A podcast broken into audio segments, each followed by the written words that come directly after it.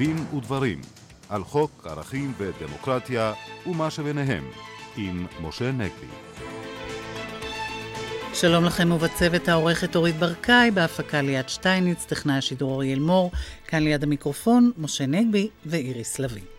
מיד נתייחס להיבטים המשפטיים והערכיים של האיחוד בין הליכוד לישראל ביתנו. האם הדמוקרטיה ורשויות אכיפת החוק הישראלית הפנימו את לקחי רצח רבין? נדון בכך בעזרת אורחינו באולפן, הפרופסור ידידיה שטרן מאוניברסיטת בר אילן, סגן נשיא המכון הישראלי לדמוקרטיה. הוא גם יגיב על הטענה שההלכה מחייבת הדרת נשים מהכנסת ועל הניסיונות להדירן מתפילות בכותל. אולפנינו נציבת שוויון ההזדמנויות בעבודה באזור ירושלים, עורכת דין שירי לברן לביא, היא תספר לנו על הסיוע שמושיטה הנציבות לעובד שפוטר רק משום ששיקר והעלים את גילו האמיתי. האם מותר וראוי שעורך דין ישווק עצמו באמצעות קופונים? עמנו עורך דין מיכאל טאוסיק, חבר הוועדה הארצית של לשכת עורכי הדין, שהתלונן על הנוהג הזה. אבל נפתח בהערה עקרונית, בשולי המהלך הפוליטי הדרמטי ששותפים לו בנימין נתניהו ואביגדור ליברמן. משה. כן, בוודאי המאזינים הקבועים שלנו זוכרים שבשבוע שעבר אמרנו שהעובדה שהפוליטיקאי המושחת והמשחית ביותר בתולדות מדינת ישראל, אריה דרעי, אה, מגיע שוב לצמרת של מפלגה גדולה שמתמודדת בבחירות, מפלגה גדולה יחסית, והעובדה שראש הממשלה הראשון בתולדות המדינה אה, שהורשע בעבירת שחיתות, אהוד אולמרט, שוקל גם הוא להתמודד אולי בראש מפלגה אחרת אה, בבחירות האלה. אה, שתי העובדות האלה, כמו גם מעורבות של אה, עבריינים אחרים במערכת הבחירות, אה, המציאות הזאת מטביעה אות קלון על החברה הישראלית ועל המוסר הציבורי לא רק של אותם פוליטיקאים, אלא אולי גם של אותה תקשורת שמקבלת אותם בברכה, את אותם אנשים עם הרקורד המפוקפק הזה. אין ספק שהמהלך שעליו דיברת, איריס, עוד יותר מחדד את התחושה הלא נעימה, כי בעצם מה מסתבר? מסתבר שלמשרת האיש השני במעלה בשלטון במדינת ישראל, אה, מועמד אה, כעת אה, אדם שמרחפים מעל ראשו חשדות פליליים כבדים ביותר, אבל אין לי בעניין הזה שום טענה לאביגדור ליברמן, אולי בניגוד למקרים הקודמים שציינתי. כל הטענות שלי מופנות כלפי היועץ המשפטי לממשלה, משום שהוא זה שהפריח את ענן החשדות הכבדים האלה, והוא זה שאיננו ממלא את חובתו או לאושש אותו באמצעות הגשת כתב אישום, או להפריך אותו ולפזר אותו באמצעות החלטה אה, לסגור את התיק. אני רוצה להזכיר שלפני שנה וחצי, אני מדגיש שוב, שנה וחצי, באפריל 2010, היועץ המשפטי לממשלה בכבודו ובעצמו, יהודה ויינשטיין, הודיע שהוא החליט אה, באופן עקרוני להגיש אה, כתב אישום נגד אביגדור ליברמן, בכפוף לשימוע לנאשם, ולנאשם אה, הפוטנציאלי ולסנגוריו. ויהודה ויינשטיין לא חסך מילים חריפות לגבי החשדות שלגביהם הוא החליט את ההחלטה הזאת. הוא אמר שמדובר בסדרה של אה, מעשה מרמה כלפי אה, הציבור וכלפי מוסדות המדינה.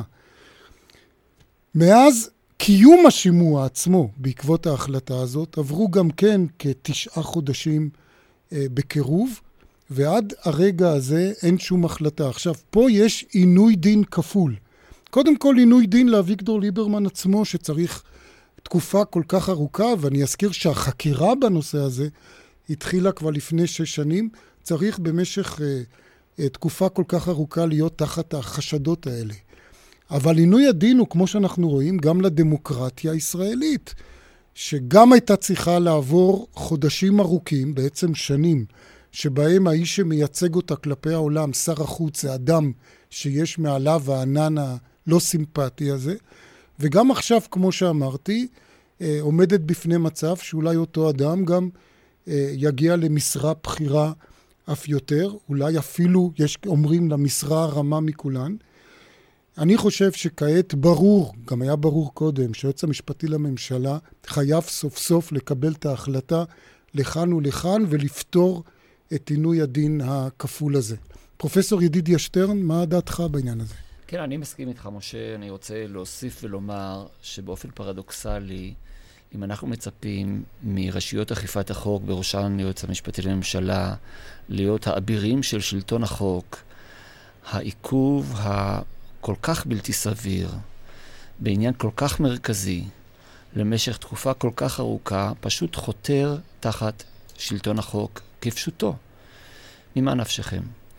הציבור שחושב שמר ליברמן אה, מתענים לו, מקבל אישוש לטענותיו, שמשתמשים פה ביכולת להעמיד לדין כמין איום אה, שמרחף מעל אה, אדם, שאיננו מאפשר לו את היכולת אה, באמת אה, לבוא לידי ביטוי בצורה פשוטה במישור הפוליטי, בלי עננה מעליו. ואחרים שחושבים שמדובר במצב הפוך, דהיינו שמאמינים שיש דברים בגו, רואים שאין יכולת פעולה לשלטון החוק. כך או אחרת, מדובר בדבר שאי אפשר לקבל אותו, אם מסתכלים ברצינות הרצון, על הרצון של החוק להכתיב נורמות. כאן החוק מונע אפשרות לקדם את עשיית הצדק לכאן או לשם. תודה רבה. ועכשיו אה, דקת פרסומת ואנחנו חוזרים.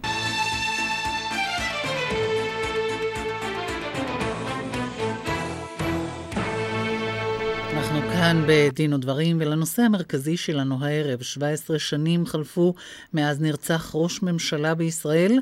האם הדמוקרטיה ומערכת המשפט שלנו למדו את הלקח? משה.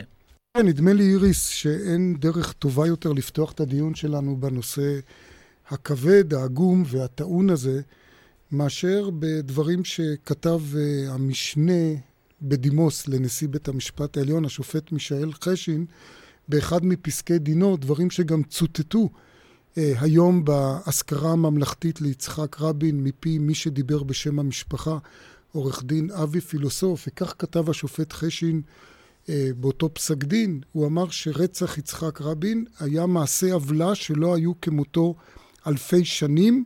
לפני 2,500 שנים, אמר השופט חשין, נרצח גדליהו בן אחיקם. ישראל זוכרים את גדליהו ושומרי מצוות צמים לזכרו מדי שנה בשנה.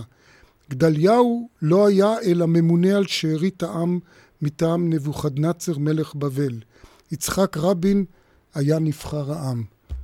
דברים כדורבנות אה, אה, וכל המוסיף גורע.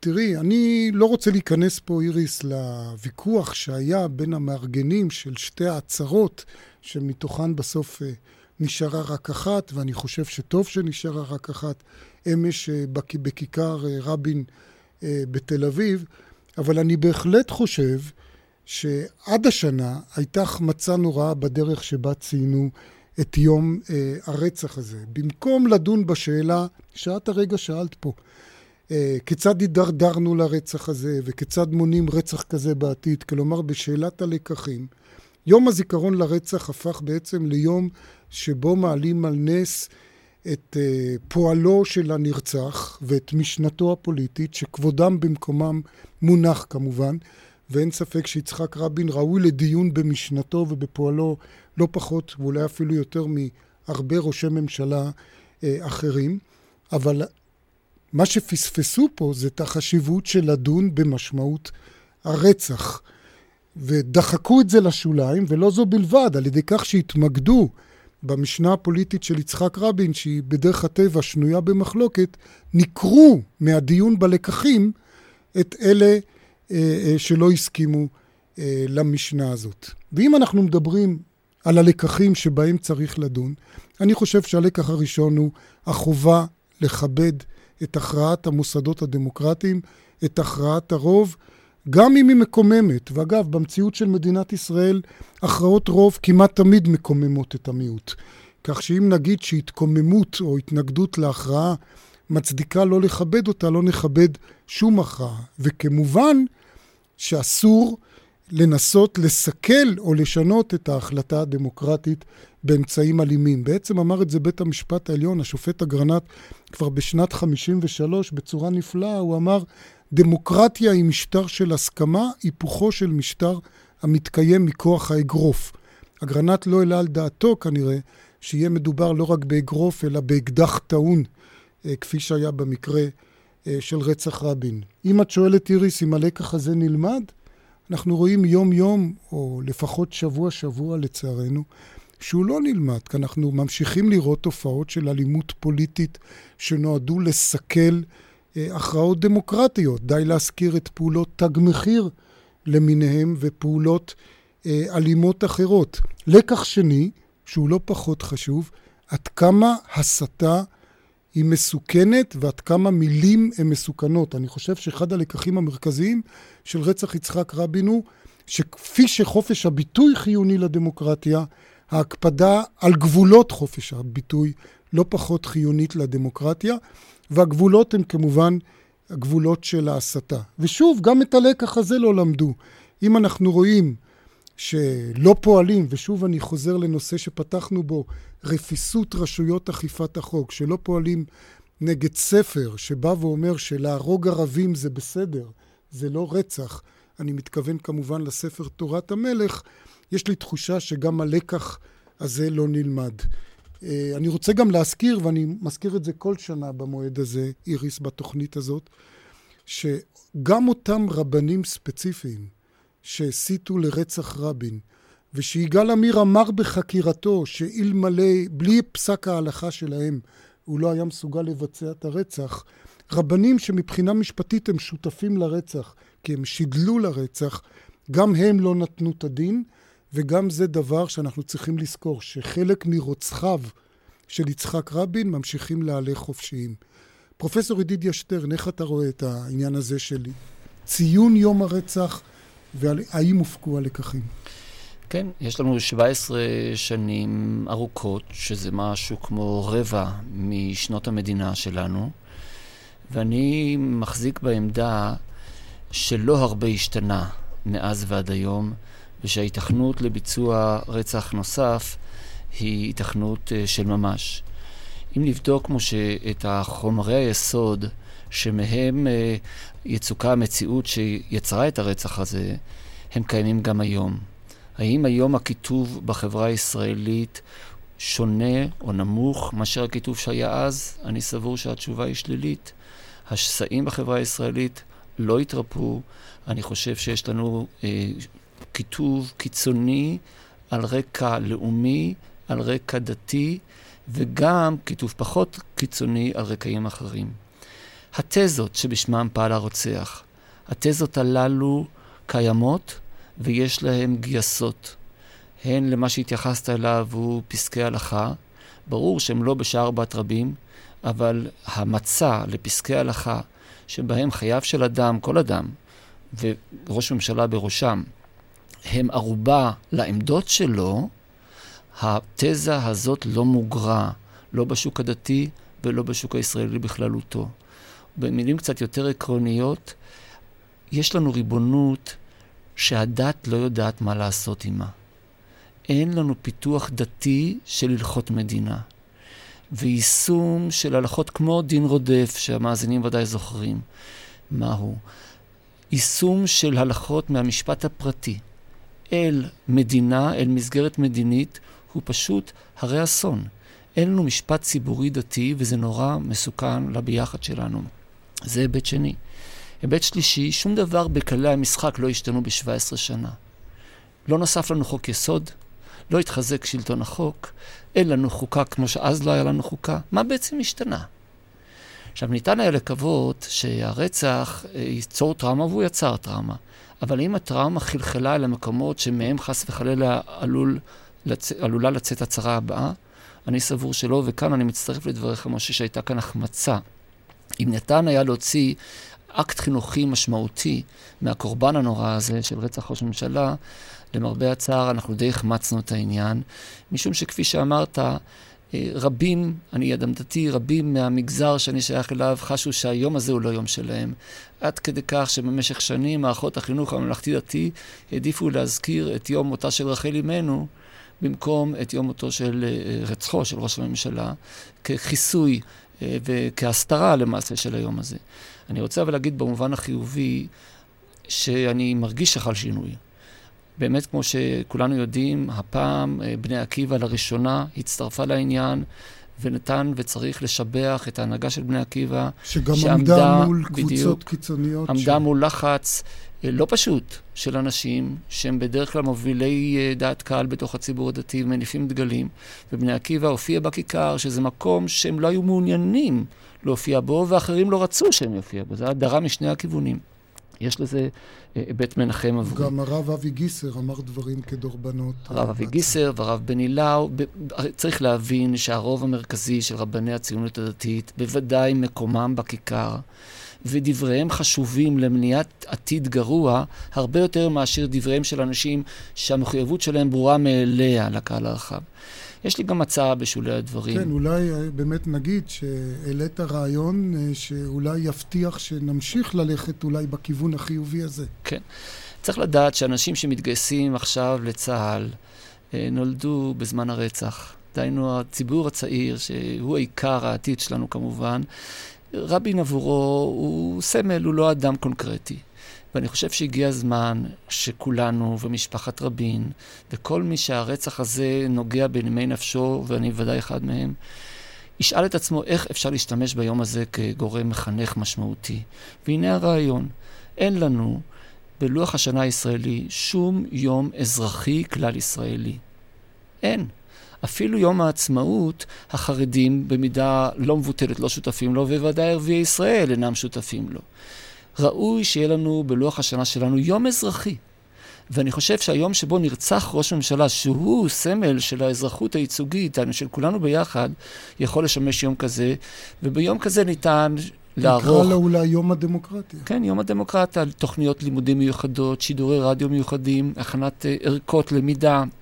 כשיצחק רבין יתרום אחרי מותו לא פחות מאשר תרם בחייו. אני חושב שההצעה הזאת, אה, אם יורשה לי לומר, בהחלט אה, ראויה. אה, אני אולי גם מזכיר שהיית דיקן הפקולטה למשפטים של אוניברסיטת בר אילן בעת הרצח. כל אחד יכול להעלות על דעתו, אם הוא זוכר מאין הגיע יגאל עמיר, עד כמה התפקיד הזה היה מאתגר וקשה, ואין ספק שתרמת כבר אז לאותו קירוב לבבות ומניעת ניכור שדיברת עליו, פרופסור שטרן.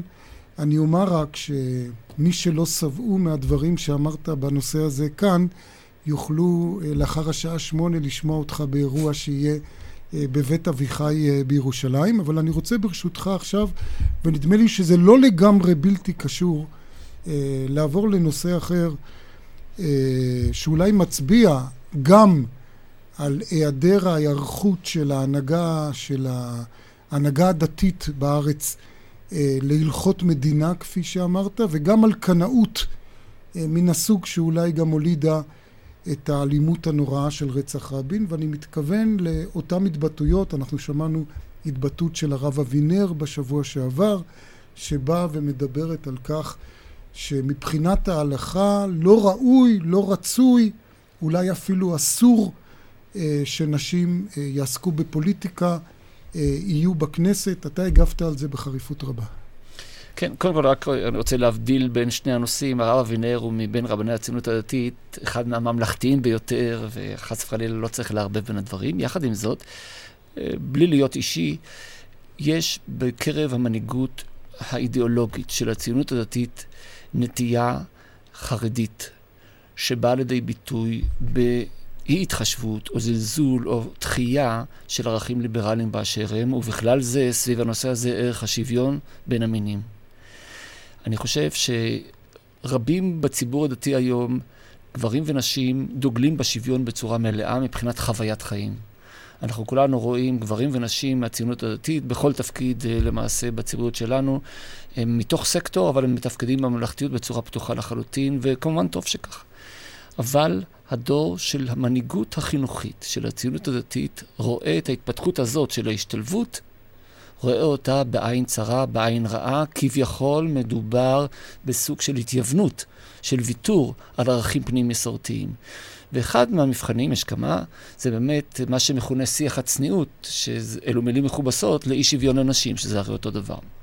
כאשר מדובר על הפרדה של בתי הספר, מדובר על הפרדה בתנועת הנוער בני עקיבא, שיבחנו את הנהגתה רק לפני רגע, אבל יותר ויותר... בחינוך הדתי הממלכתי. נכון, יותר ויותר ילדים מהמגזר הזה, שהוריו משתלבים כל כך יפה בחברה הישראלית, גדלים מתוך הפרדה בין בנים לבנות, בצורה שכפי שכתבתי במאמר שראית, אני חושש שהבנות בגיל של בנותיי לא תחשוקנה בתפקיד.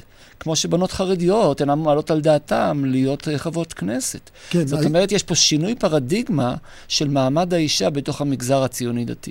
כן, מקום המדינה הייתה חברת כנסת דתית. שרה שטרן קטן, למיטב זיכרוני. כן. כן, טוב הסנדראי. כן. אולי שירי לברן לביא, את רוצה להגיד משהו בעניין הזה? כן, אני מסכימה בהחלט לדברים האחרונים שאמר אה, פרופסור שטרן. אה, זו בדיוק הנקודה. העובדה שמנסים להדיר מהמרחב הציבורי בדיוק את אותם... גופים, סליחה, בדיוק את אותם נציגים שאמורים להיות הדוגמה. בנות צעירות uh, שנמצאות בתיכון ולא רואות מספיק חברות כנסת ולא שומעות מספיק נציגות ציבור נשים מדברות, uh, הן מתחנכות לאידיאל הגברי הזה, שמי שמנהיג הוא בעצם גבר.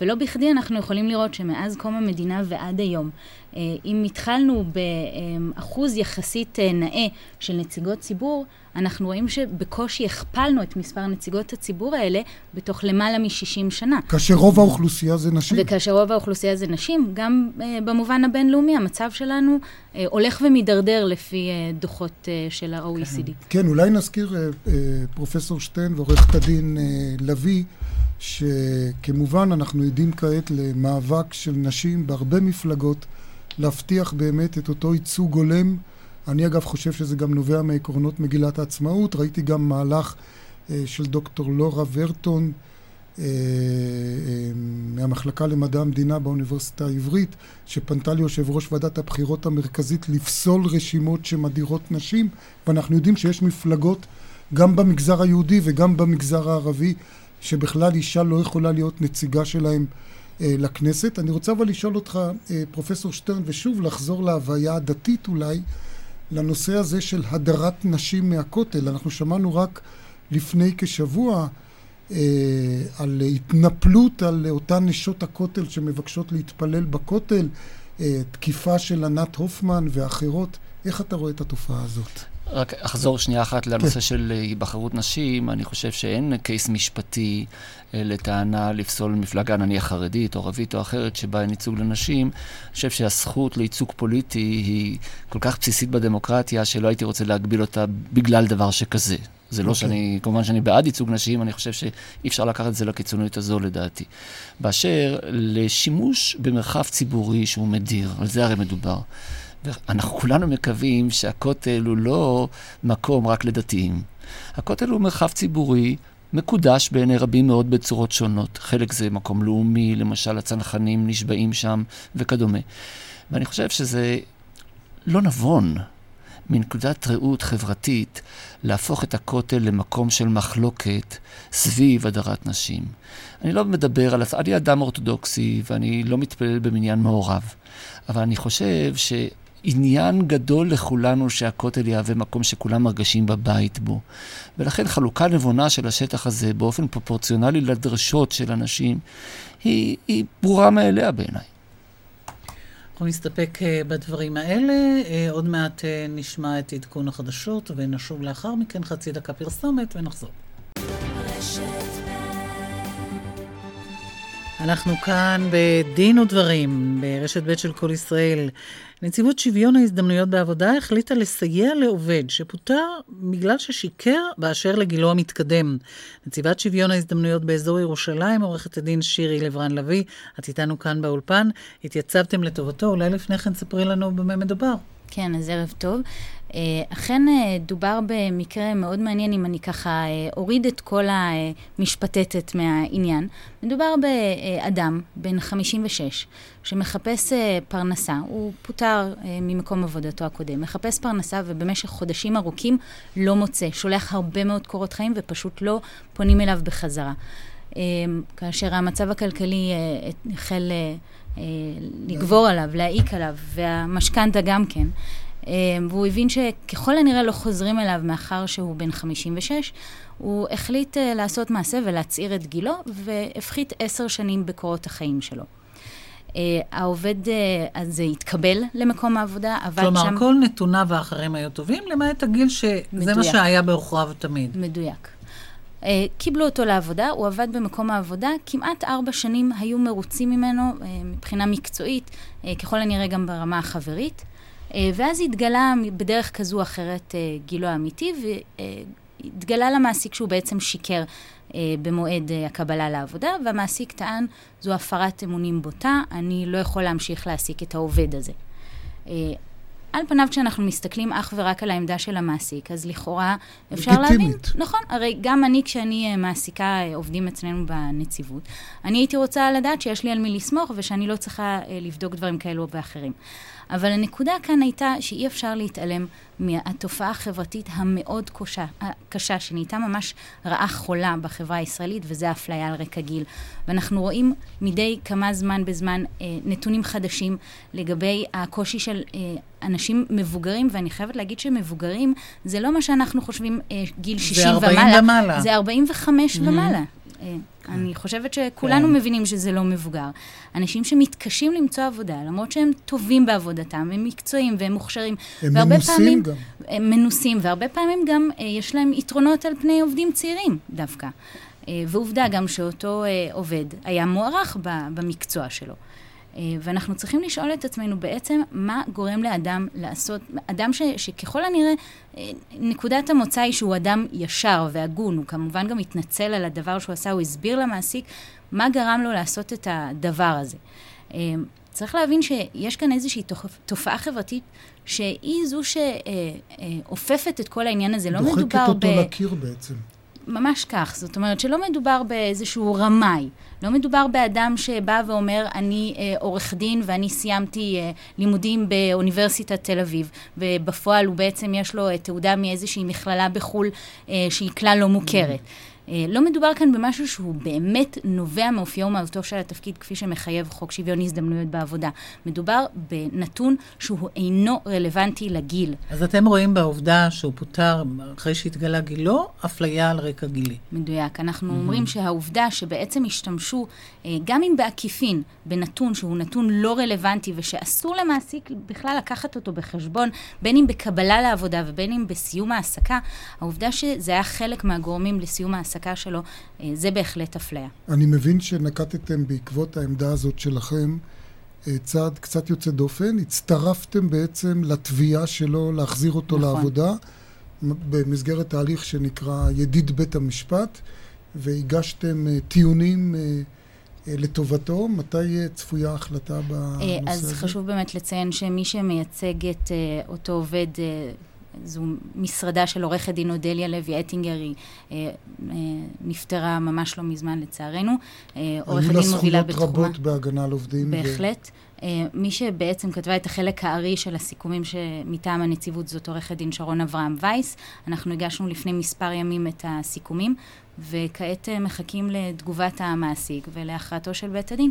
עכשיו, תקני אותי אם אני טועה, כבר בעצם הזכרת את זה, אבל היום באמת מה שנקרא אולי ניידע את המאזינים במילה העברית הזאת, אפליה גילנית, היום זה בעצם סוג האפליה הקשה ביותר בשוק העבודה במדינת ישראל. אה, נכון, למרות שאני קצת אה, מתקשה לומר הקשה ביותר, כי הרי אדם שמופלא על רקע לאום, או אישה שמופלאת על רקע הריונה, כל אחד רואה mm-hmm. את העניין שלו כקשה. אבל זה נכון שאנחנו רואים כאן תופעה שהולכת ומחמירה, ואנחנו רואים את זה לא רק בנתונים הסטטיסטיים החברתיים, אלא אנחנו רואים את זה גם בפסיקות של בית המשפט. ממש לא מזמן התקבל אה, פסק דין של בית המשפט העליון בעניין אפליה על רקע גיל, במקרה של מישהי שהפרישו אותה לטענתה לפני זמנה משירות בתי הסוהר. ושם עומד בית המשפט העליון בפעם הכמה וכמה על החומרה הנוראית הזו של אפליה על רקע גיל. אה, ועושה רושם שהגם שברור לכולנו שמדובר כאן בתופעה מאוד קשה, ושהיא אגב משותפת לכל אה, האזרחים ולכל הציבור בישראל ללא הבדל של דת, גזע או מין, בסופו של דבר כולנו מגיעים לנקודה שאנחנו עלולים להיות מופלים, וזה עדיין לא עושה את הטלטול הזה שנדרש אצל מעסיקים כדי להבין בואו נחפש את האדם הבאמת מוכשר. את הזכרת את הנושא של אפליה על רקע מוצא, ואני רוצה להזכיר אולי, מאחר שאת פה, הישג גדול בנושא הזה של שוויון הזדמנויות, לדעתי, למרות שחבל שקרה מה שקרה, שהניב את ההישג הזה. אני מבין שאדם שפוטר אה, בגלל היותו ממוצא אתיופי זכה בסכום פיצויים מאוד גבוה ממש לאחרונה, אולי כמה מילים על המקרה בהחלט. המעניין הזה. מדובר בעצם באדם שביקש להתקבל לעבודה.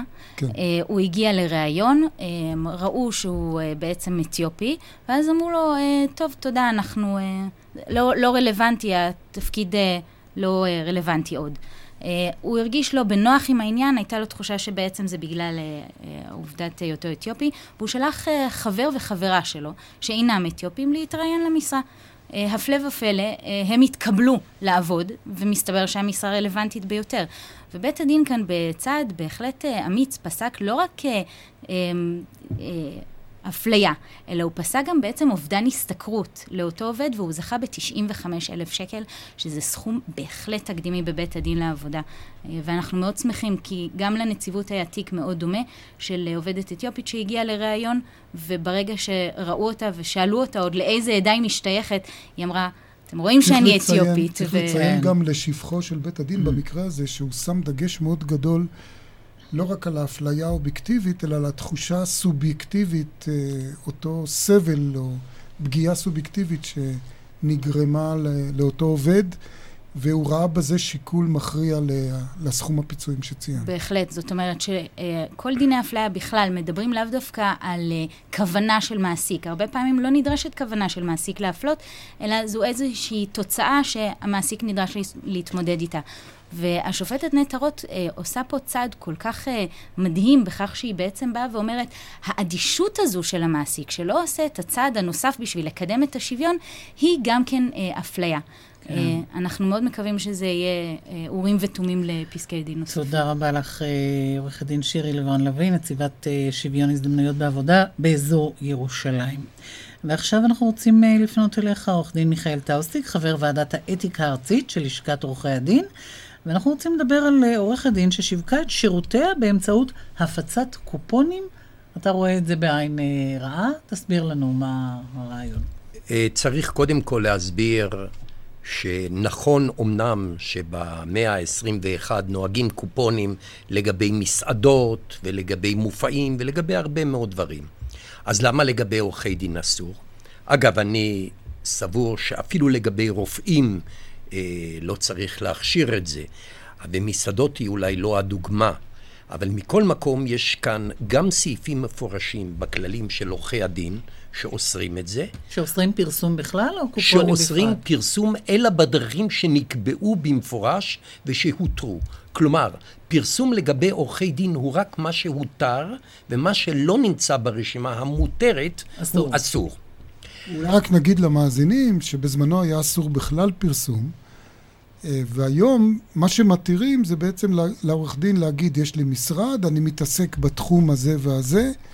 ו... לפרסם את זה בעיתונים. וזה, או ב... אבל לא להעיד על עצמו שהוא מצוין, או, או להשתבח בצורה כזו או אחרת, ובוודאי, כמו שאמרת, לא לפרסם תעריפים ולהציע הנחות. זה בדיוק העניין. נכון, אמנם הייתה נטייה לאסור כל פרסום שהוא, והיו מה... אה, ש... עד שנות ה-80. עד שנות ה-80, בשנת 86 היו שני פסקי דין מעניינים ששינו את המצב. אחד זה בג"ץ בן צבי ציטרי נגד אה, לשכת עורכי הדין, והשני היה פסק דין בעניינו של דרור חוטר ישי, ושם התירו מאוד עניינים של פרסום. וגם מנעו לחקור עיתונאי, על שבית דין משמעתי אסור יהיה לו לחקור עיתונאי על מקורות המידע שלו. אבל איך בעצם יכול האזרח לעשות אה, סקר שוק? אני רוצה לדעת מי העורך דין באזור שלי שייקח לי את המחיר הזה והוא טוב. בלי... לת... אם כן, בעניין הזה, הבעיה הזאת היא אולי נפתרה כבר, בזה שהתקדמנו מאז 1986. אם אז אסור היה, אם שמו של עורך דין היה מופיע אפילו דרך מקרה בעיתון, ועדת האתיקה הייתה שולחת לו מכתב שיסביר למה הוא הופיע ואיך הוא הופיע, היום הרבה דברים מותרים. ובין היתר יש אתרים, ובין היתר באתרים האלה עורך הדין יכול לכתוב, הוא יכול לכתוב גם את התקדימים שהוא יצר אותם. כלומר, יכול שיהיה לו אתר, יכול להיות שלעורך דין יהיה אתר אישי. ודאי, mm-hmm. יש לו אתר, הוא יכול גם, ואנשים לא חוששים היום לטלפן לכמה עורכי דין, ולשאול גם מה המחיר שלהם. מה שכאן עשתה עורכת הדין זה א', היה לאו מפורש של לשכת עורכי הדין, של ועדת האתיקה, שאמרה מינואר 2012, שקבע במפורש שאסור לפרסם בדרך של קופונים. יש פה שידול להשגת עבודה שהוא אסור בסעיף מפורש mm-hmm. של כללי האתיקה. יש פה גם אה, פרסומת שהיא לא לכבוד המקצוע. כבוד המקצוע חשוב לא רק לעורכי הדין, הוא חשוב גם למערכת המשפט. כי אם לא יכבדו עורכי דין, לא יכבדו גם שופטים, ואנחנו נידרדר. ויש כמה וכמה סעיפים, בין היתר גם סעיף 2 לחוק לשכת עורכי הדין, שאומר שצריך לנהוג בכבוד. ואם, ומה גם שכל הפרסומת הזאת יוצרת פתח להרבה מאוד תופעות שליליות. יבוא דוקטור לימור זר גוטמן בכתבה באחד העיתונים, אמרה שיכול להיות שעורך הדין, יבואו אל עורך הדין, יגידו לו, אני רוצה במחיר של צבא, במחיר 555 שקלים, ואז יגיד עורך הדין, כן, אבל העניין שלך יותר מסובך, אני דורש יותר, ייראה פה מעשה כביכול של מרמה, יהיה פה השגת לקוחות בדרך לא דרך. אבל אתה אומר זה מדרון חלקלק, עבירה תגרור עבירה בעצם. וזה פותח פתח לעבירות מסוגים שונים. אני רוצה בכל זאת להיות פה פרקליטו של השטן, כי אני אגיד באופן אישי, אני מאוד מסכים עם גישת גישתך, עורך דין טאוסיג, אבל הטענה הנגדית היא שבעצם על ידי כל ההגבלות האלה, אתם אה, יוצרים איזושהי, אה, מונעים בעצם תחרות בשוק עורכי הדין. כי עורכי דין כמוך, עורך דין טאוסיג, ועורכי דין מבוססים וותיקים אחרים, הם, הלקוחות שלהם כבר קיימים והם יבואו אליהם בלי קשר. אבל מה עושה עורכת דין צעירה, עורך דין צעיר שיוצא היום לשוק, נאמר בתחום שלך, תחום הירושות, המשפחה, וכולי, ו... ורוצה להיכנס לשוק, אולי הוא צריך את האמצעים האלה כדי שאנשים יכירו אותו. במציאות, המציאות מלמדת אותנו שגם עורכי דין צעירים מצליחים לחדור ולהיכנס לתחום המקצוע, ובפרט בענייני משפחה וירושה, שזה התחום שאותה עורכת דין פרסמה את עצמה. וגם אתה עוסק בו, אני מבין. וגם אני עוסק בו. וזה תחום שבמפורש אפשר לחדור אליו. הרבה יותר קשה לעורך דין צעיר להתקבל ולהיות עורך דין של חברת החשמל או של בנק לאומי. אבל להיות עורך דין של אה, לקוחות בענייני משפחה קל לו. מגיעים אליו אנשים, הוא יכול uh, באמצעות uh, uh, מקרים שבהם הוא מצליח ליצור תקדים, אתם מתכוונים להעמיד לדין את אותה עורך הדין? Uh, הכוונה היא, היא נדרשה לתת תשובה מיידית בכדי uh, להחליט uh, אם להעמיד אותה לדין, כאשר היא בעצם עברה על מספר כללים וגם על uh, פרסום מפורש שקבע שזה אסור. אני חייב לומר אגב שאני הסתכלתי היום במרשתת באינטרנט וראיתי שהיא לא יחידה. יש שורה די ארוכה של עורכי דין שמציעים קופונים אה, והנחות. אני לא רוצה להלשין, אבל כל אחד יכול למצוא אותם בקלות. טוב, אז, אז יש לך מה לעשות עם זה, אה, עורך דין טסי. אנחנו מסיימים. תודה רבה לכולם. אה, לכל אורחינו כאן, הפרופסור ידידיה שטרן, עורכי הדין שירי לברן לביא ומיכאל טלסיג. עורכת התוכנית אורית ברקאי, המפיקה ליאת שטייניץ, הטכנאי אריאל מור, באולפן היינו משה נגבי ואיריס לביא. ניתן להזין לנו באתר רשת ב' באינטרנט, במרשתת. נשוב בשידור חי של דין ודברים ביום ראשון הבא. אחרינו, מהדורת מבט מהערוץ הראשון. ערב טוב.